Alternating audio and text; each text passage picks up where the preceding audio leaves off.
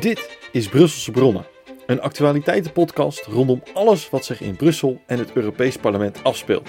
Presentatie is in handen van Florian Pronk en vaste tafelgast is Europarlementariër Petjan Ruijs.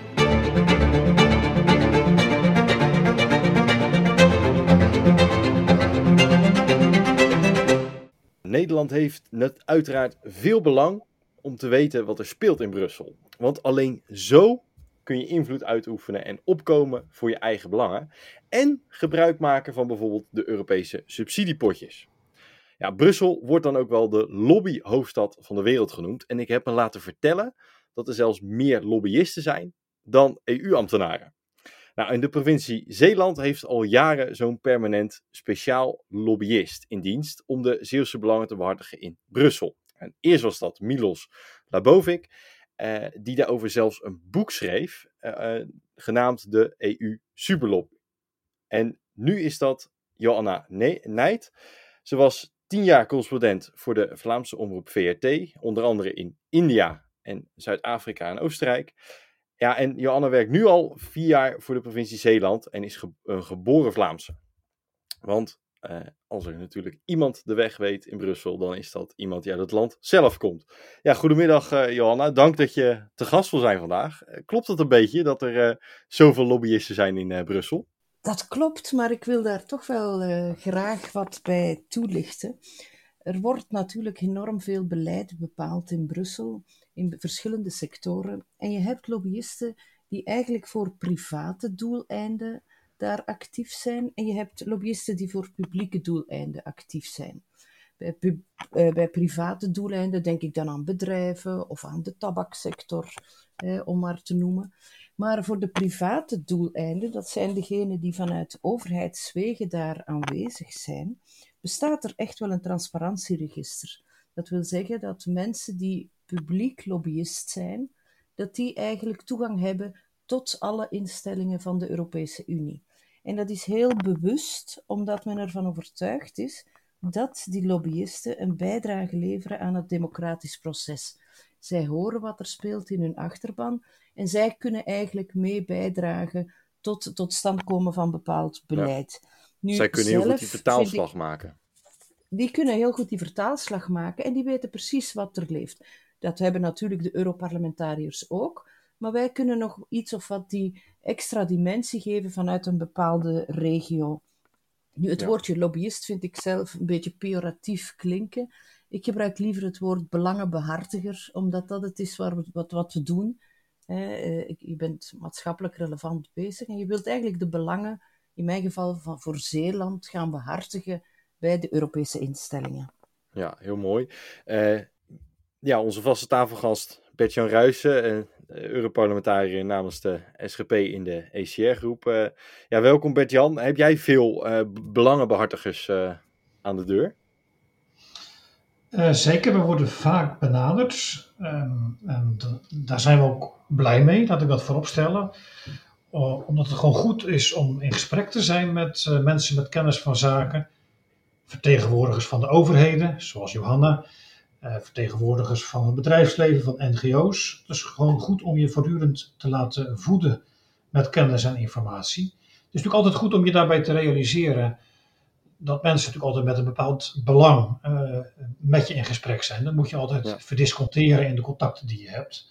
Maar ik vind wel dat nou ja, de informatie die ze brengen, die is wel van grote waarde en grote betekenis. Het helpt enorm om uh, tot goede besluiten te, komen. En ik merk ook dat nou ja, lobbyisten, belangenbehartigers eh, het uh, heel goed doorhebben, drommels goed doorhebben, uh, welke belangrijke besluiten er hier genomen worden. En dat verklaart denk ik ook waarom belangenbehartigers in Brussel zo actief zijn. Ja, want Johanna, jij bent voor Zeeland uiteraard iemand die de belangen behartigt. ik kan me ook voorstellen dat de EU veel uh, of dat Zeeland veel met de EU te maken heeft als het gaat om landbouw, visserij, uh, regiosubsidies en ook de kernenergie. Wat doe je daar nou precies voor uh, als, als belangenbehartiger? Dus als je denkt wat een lobbyist eigenlijk doet, een lobbyist heeft eigenlijk drie grote taken. Aan de ene kant wil die gaan bemiddelen tussen verschillende partners, wat heel belangrijk is. Je wil uiteraard gaan beïnvloeden, je wil meehelpen de agenda te zetten en iets echt wel agenderen wat voor jou van belang is. En je bent ook eigenlijk de representatie. En dat werkt in twee richtingen. Je bent de representatie vanuit Zeeland in Brussel en vanuit de EU in Zeeland. En eigenlijk in functie daarvan is mijn hele weekplanning uh, geordend. En op maandagen ben ik altijd in Zeeland. Dan ben ik uh, op de abdij in Middelburg. Dan bezoek ik ook het, uh, het overleg van de Zeeuwse overheden. Ga ik in gesprek met de gedeputeerden, met alle mensen die thematisch bezig zijn. Eigenlijk alle experts die bezig zijn rond de verschillende thema's waar we rond werken. Dus die hele maandag ben ik daar om effectief te voelen wat er leeft in Zeeland en om die boodschap mee te dragen. Ja. Um, dinsdag, woensdag, donderdag werk ik uh, in Brussel in het Huis van de Nederlandse provincies. Um, samen met uh, andere lobbyisten van de verschillende provincies. En aangezien ik uh, de Europese instellingen en wat hier gebeurt representeer en eigenlijk de vertaalslag maak naar Zeeland, schrijf ik ook elke week een actuele nieuwsflits.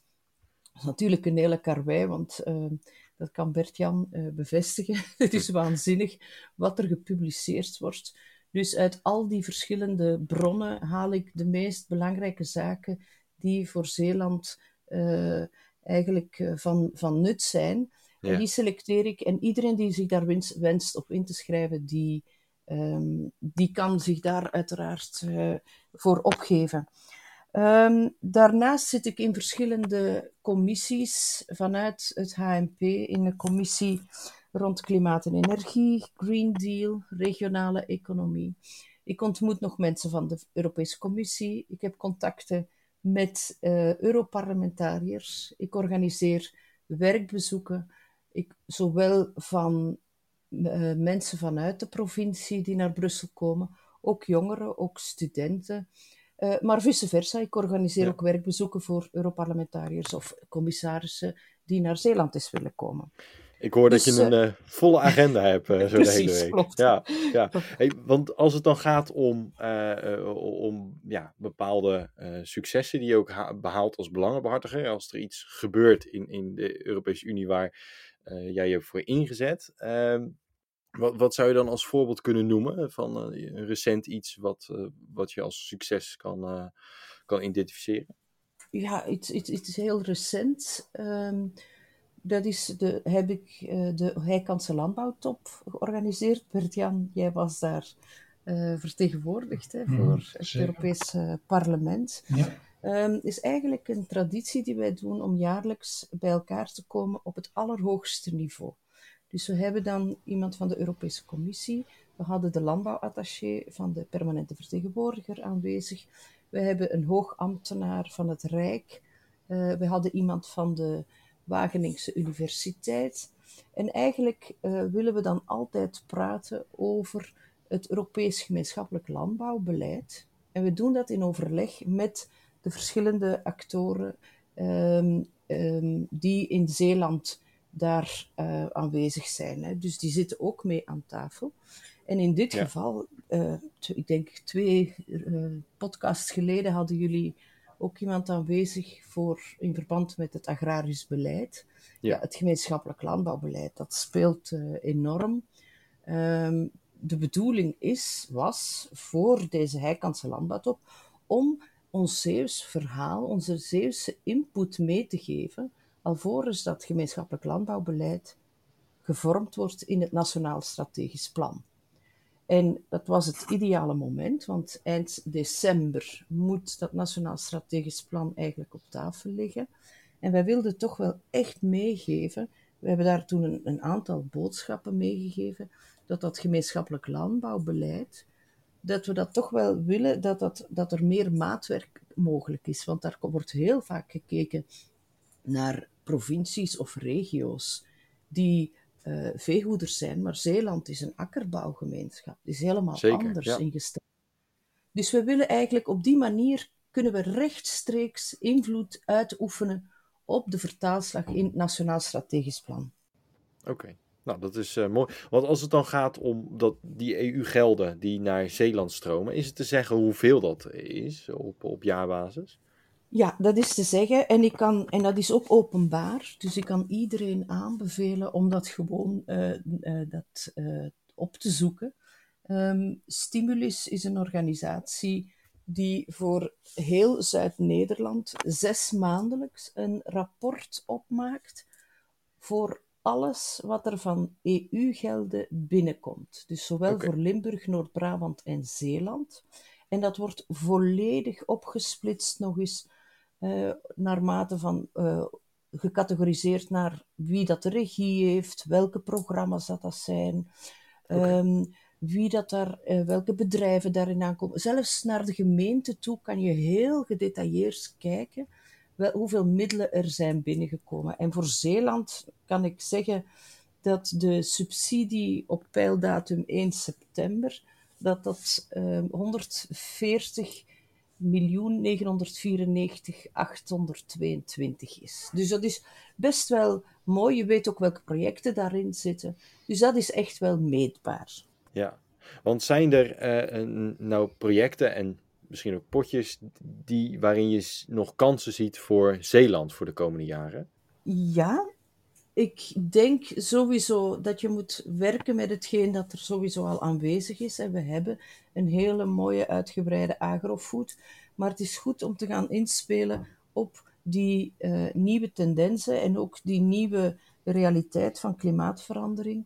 En eigenlijk om Zeeland daar meer een beetje te gaan profileren als een voorbeeldland. Ja. Ik denk echt, je zit op een kleine schaal te werken. Je kan onmiddellijk ook de klimaatverandering vaststellen. Je kan zien wat je daarmee kan doen in verband met energie. Je kan zien wat dat voor gevolgen kan hebben voor agrofood. Dus van het bestaande gegeven eigenlijk meer nog gaan samenwerken om in te spelen op die subsidiepotjes die ja. werken in dat geheel. En ik, ik, als ik dan een voorbeeld noem als, uh, als kernenergie, uh, of de kerncentrale in, in Borselen, is dat iets wat ook nog een, een, een, waar toekomstmuziek in zit? Daar kan ik persoonlijk zelf geen, geen oordeel over uitspreken. Um, voorlopig loopt ook nog helemaal die discussie of kernenergie sowieso iets is dat valt onder de Green Deal.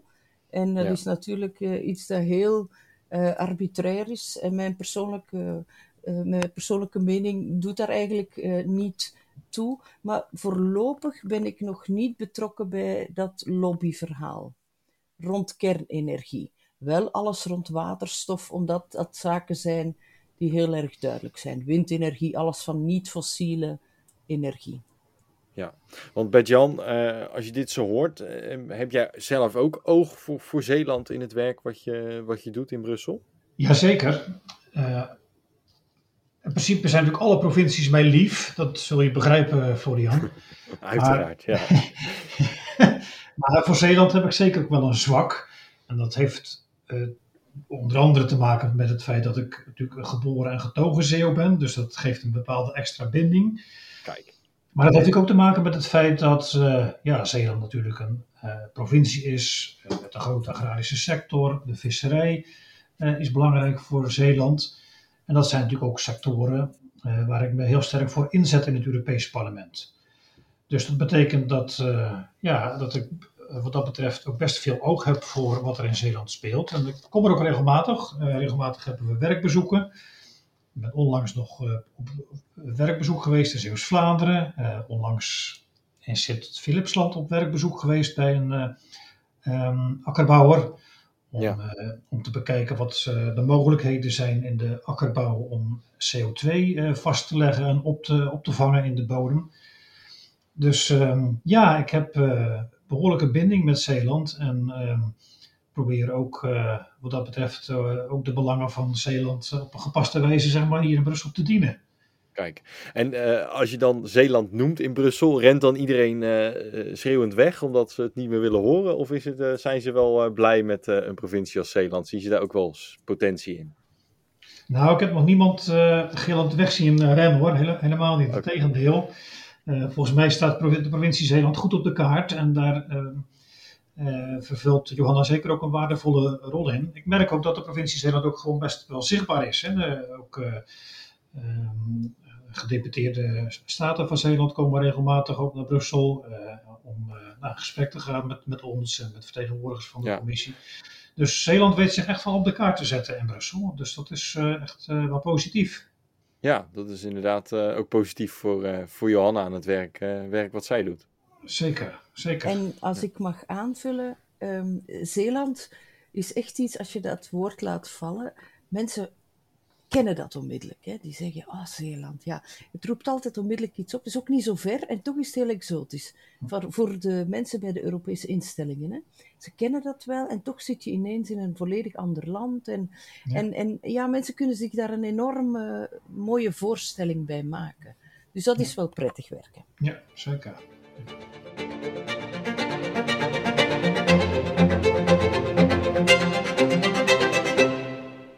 Joanna, wat zou je doen als je het voor het zeggen had in de Europese Unie? Als je alle macht in handen had? Ik ben zelf uh, niet iemand die van de macht is, absoluut niet. Ik ben iemand van het samenwerken en het, uh, het overleggen. Dus die vraag die is, uh, die is misschien een beetje vreemd of die sluit niet volledig aan met mijn persoonlijkheid. Um, maar als ik het voor het zeggen zou hebben, dan zou ik echt nog veel meer inspraak uh, vragen van verschillende partijen.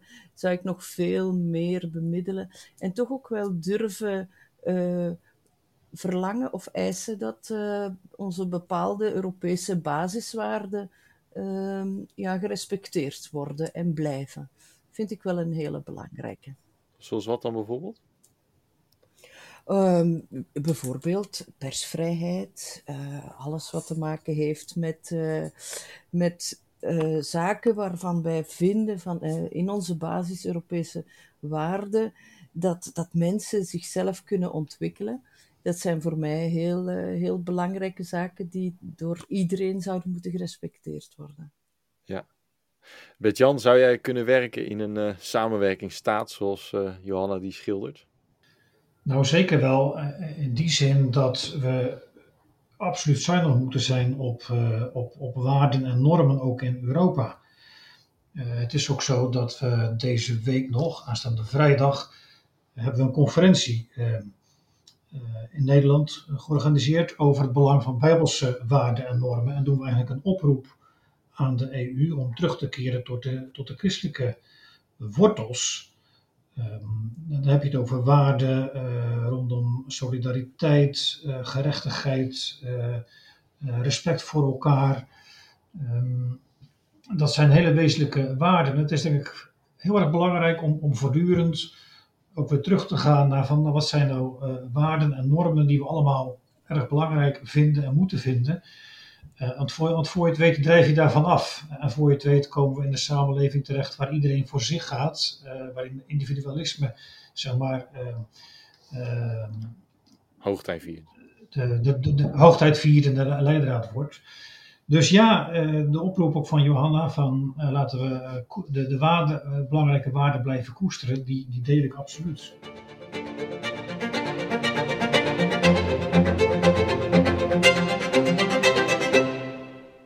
Want Johanna, uh, wat is, zou je favoriete Bijbelvers zijn, als je die moet noemen? Ik ben, uh, ik ben zelf uh, Rooms-Katholiek opgevoed.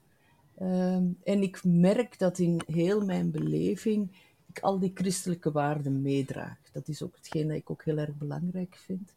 Ja. Um, ik heb in een ver verleden zelfs nog godsdienstles gegeven. Bert-Jan zou verschieten, denk ik. Ehm, en er zijn natuurlijk heel veel zaken uh, in die, van die christelijke waarden die je kan terugvinden. En ik, moet, ben wel eventjes moeten gaan zoeken, maar wat toch wel heel erg uh, een, een, een, bijbelvers dat uh, volledig aansluit met mijn visie is Spreuken, hoofdstuk 15, vers 22.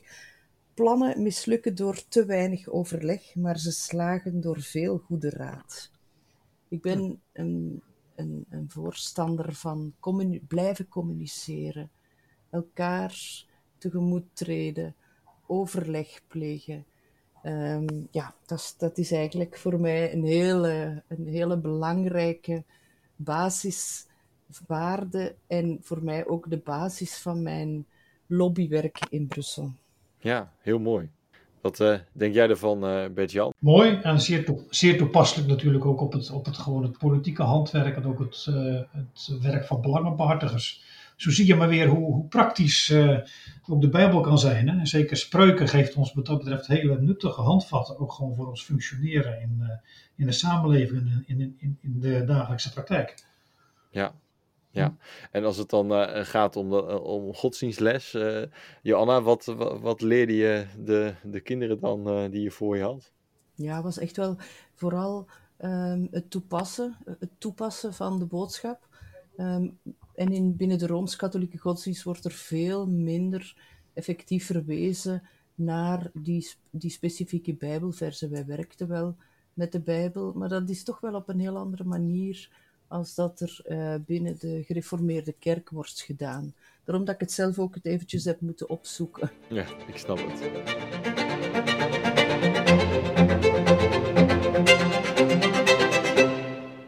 Uh, Bert-Jan, wat staat er de komende tijd uh, voor jou op de agenda? Ja, nog best wel heel veel. Misschien ook wel aardig om te noemen dat ik begin januari uh, weer naar Zeeland hoop te komen. Uh, dan heb ik een werkbezoek in uh, de gemeente Bosselen en dan hoop ik de kerncentrale te bezoeken. Okay. Uh, dat noem ik toch ook even omdat wij het echt wel heel belangrijk vinden om te blijven investeren in uh, kernenergie. En zoals Johanna net al aangaf, daar worden ook best belangrijke besluiten over genomen hier in Brussel. En de belangrijke vraag is inderdaad nu van, beschouwen we kernenergie als groene energie of niet? Daar is nu heel veel discussie over. Met andere woorden, valt kernenergie onder de Green Deal of niet? Ja, wij vinden ja. het dus absoluut van wel. Um, omdat kernenergie gewoon zeer belovend is en ook een belangrijke rol kan spelen in die hele energietransitie. Dus um, daar gaan we aandacht aan, uh, aan besteden. Uh, onder andere dus via een werkbezoek uh, aan de kerncentrale. Ja, binnenkort, ehm, volgende week hebben we natuurlijk nog onze Straatsburg-zitting. de laatste plenaire zitting voor de, voor ja. de kerst. De laatste keer verhuizen naar Straatsburg. De laatste keer verhuizen naar Straatsburg. Ja, morgen nog een interessante uh, visserijvergadering. Een vergadering van de visserijcommissie.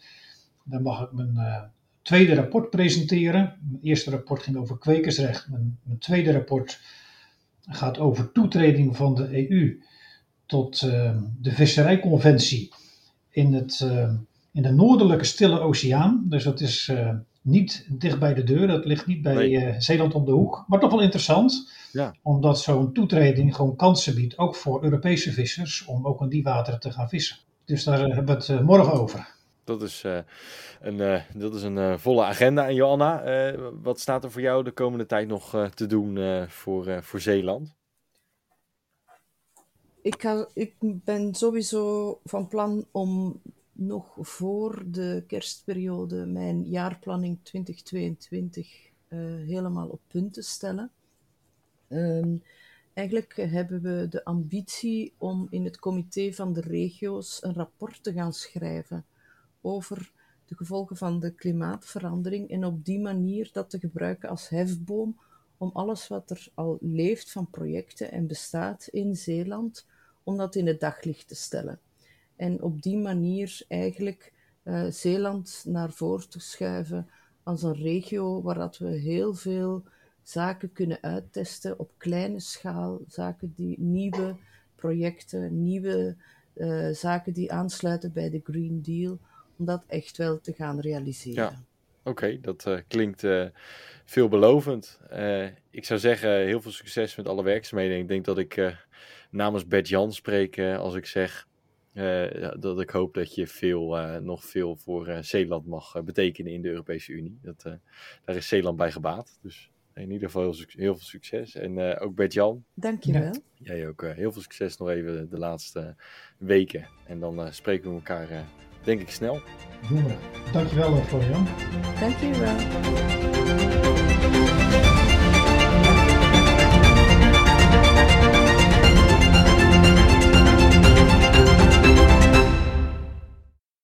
Deze podcast wordt gefinancierd door de ECR Groep.